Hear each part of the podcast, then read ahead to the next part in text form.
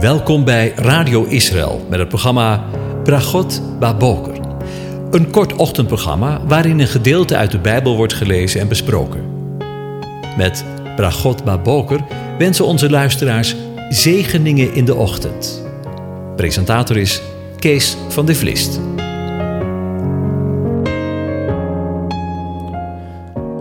Goedemorgen, Bokatov, beste luisteraars. Vanmorgen gaan we weer nadenken over Psalm 103 en ik lees de eerste zes versen aan je voor. Een psalm van David. Loof de Heere, mijn ziel, en al wat in mij is, zijn heilige naam. Loof de Heere, mijn ziel, en vergeet niet één van zijn weldaden, die al uw ongerechtigheid vergeeft, die al uw ziekten geneest, die uw leven verlost van het verderf, die u kroont met goede tierenheid en barmhartigheid, die uw mond, letterlijk, uw sieraad, verzadigt met het goede, uw jeugd vernieuwt als die van de arend. De Heere doet rechtvaardige daden en recht aan alle onderdrukte. Tot zover. Over ziekte en genezing gesproken.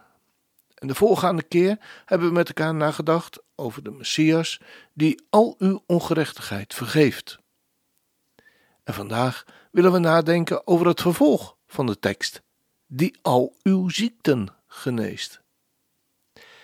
En het is met alle voorzichtigheid dat ik over deze woorden met u wil nadenken. Want hoeveel mensen zijn er niet die met het dilemma van ziekte in hun leven te maken hebben? Die ernstig ziek zijn. En ziek zijn en niet genezen. Soms zelfs tot de dood erop volgt. Is het woord van God op dit punt dan niet waar? U mag best wel weten dat dit ook voor mij een dilemma vormt. In de afgelopen periode heb ik allerlei verklaringen erop nageslagen. Het Hebreeuws erop nageslagen, of er mogelijk in de vertaling sprake was van een interpretatie die er niet in werkelijkheid staat. Maar niets van dit anders. Sommigen verklaren dat wanneer je maar voldoende gelooft in je genezing, dat God dat beloont met een genezing. Met andere woorden, wanneer je niet geneest, is dat een gebrek aan geloof. Ik ben nadrukkelijk die mening niet toegedaan. En ik zou de mensen die deze denkrichting willen vragen wat zij dan met het vervolg van de tekst doen. Die uw leven verlost van het verderf. Is het dan ook zo dat wanneer we maar voldoende geloven, dat we niet sterven? Nee, toch zeker. Andere verklaarders zijn de mening toegedaan dat we deze tekst geestelijk moeten verstaan. Dus worden met de ziekte de geestelijke ziekte bedoeld. Onze zonde, die hij wegneemt. Maar ook dat is voor mij geen afdoende verklaring, want we lezen 1. Die al uw ongerechtigheden vergeeft. En 2. Die al uw ziekte geneest. Dus vergeving van ongerechtigheid en vergeving van zonde en die al uw ziekten geneest. Twee verschillende dingen dus. Omdat de voorgaande verklaringen voor mij niet afdoende waren, geef ik u de volgende gedachte ter overweging. En ik wil met alle nadruk verklaren dat ik opensta voor correctie of aanvulling. Laat het maar gerust weten en stuur me een mailtje. De Heere is ook heelmeester. Zo lezen we in Exodus 15, vers 26 in samenhang met de vergeving van ongerechtigheid, geneest hij ook al uw ziekten, zegt de tekst. De totale genezing van alle ziekten, zowel van het lichaam als van de ziel, zal in het vrederijk plaatsvinden. Want dan zal zijn volk hem dienen. Staat er in Exodus 23, vers 25.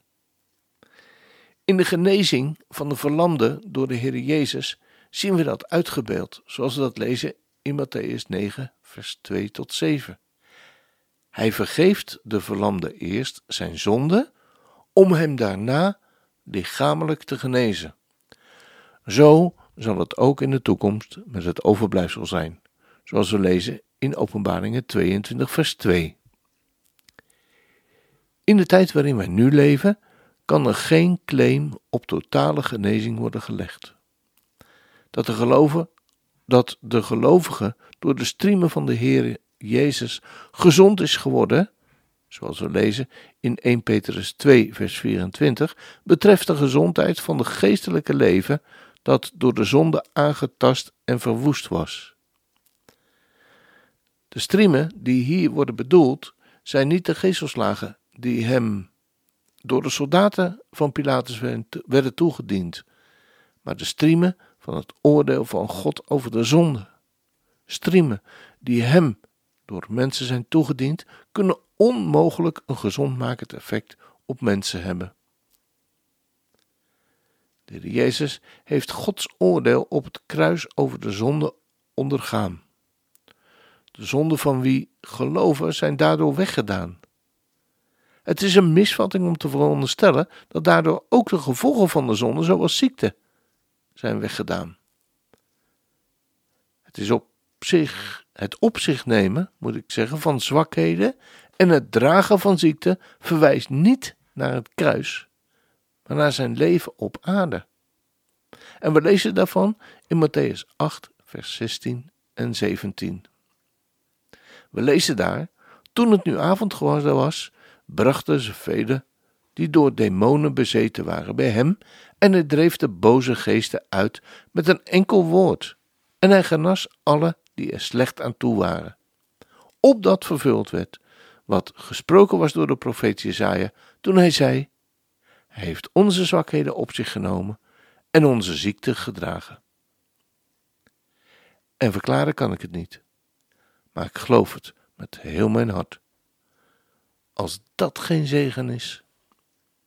Mm.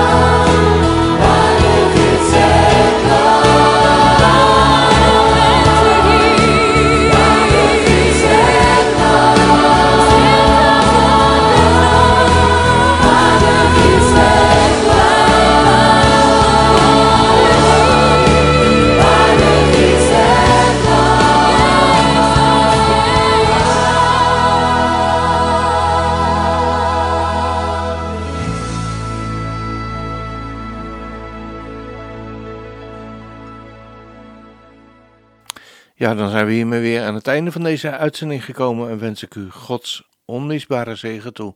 Want zonder kunnen we echt niet, ook vandaag niet. De Heer zegent en behoedt u. De Heer doet zijn aangezicht over u lichten en zij u genadig. De Heer verheft zijn aangezicht over u en geeft u vrede. Zijn shalom, zijn vrede. Amen.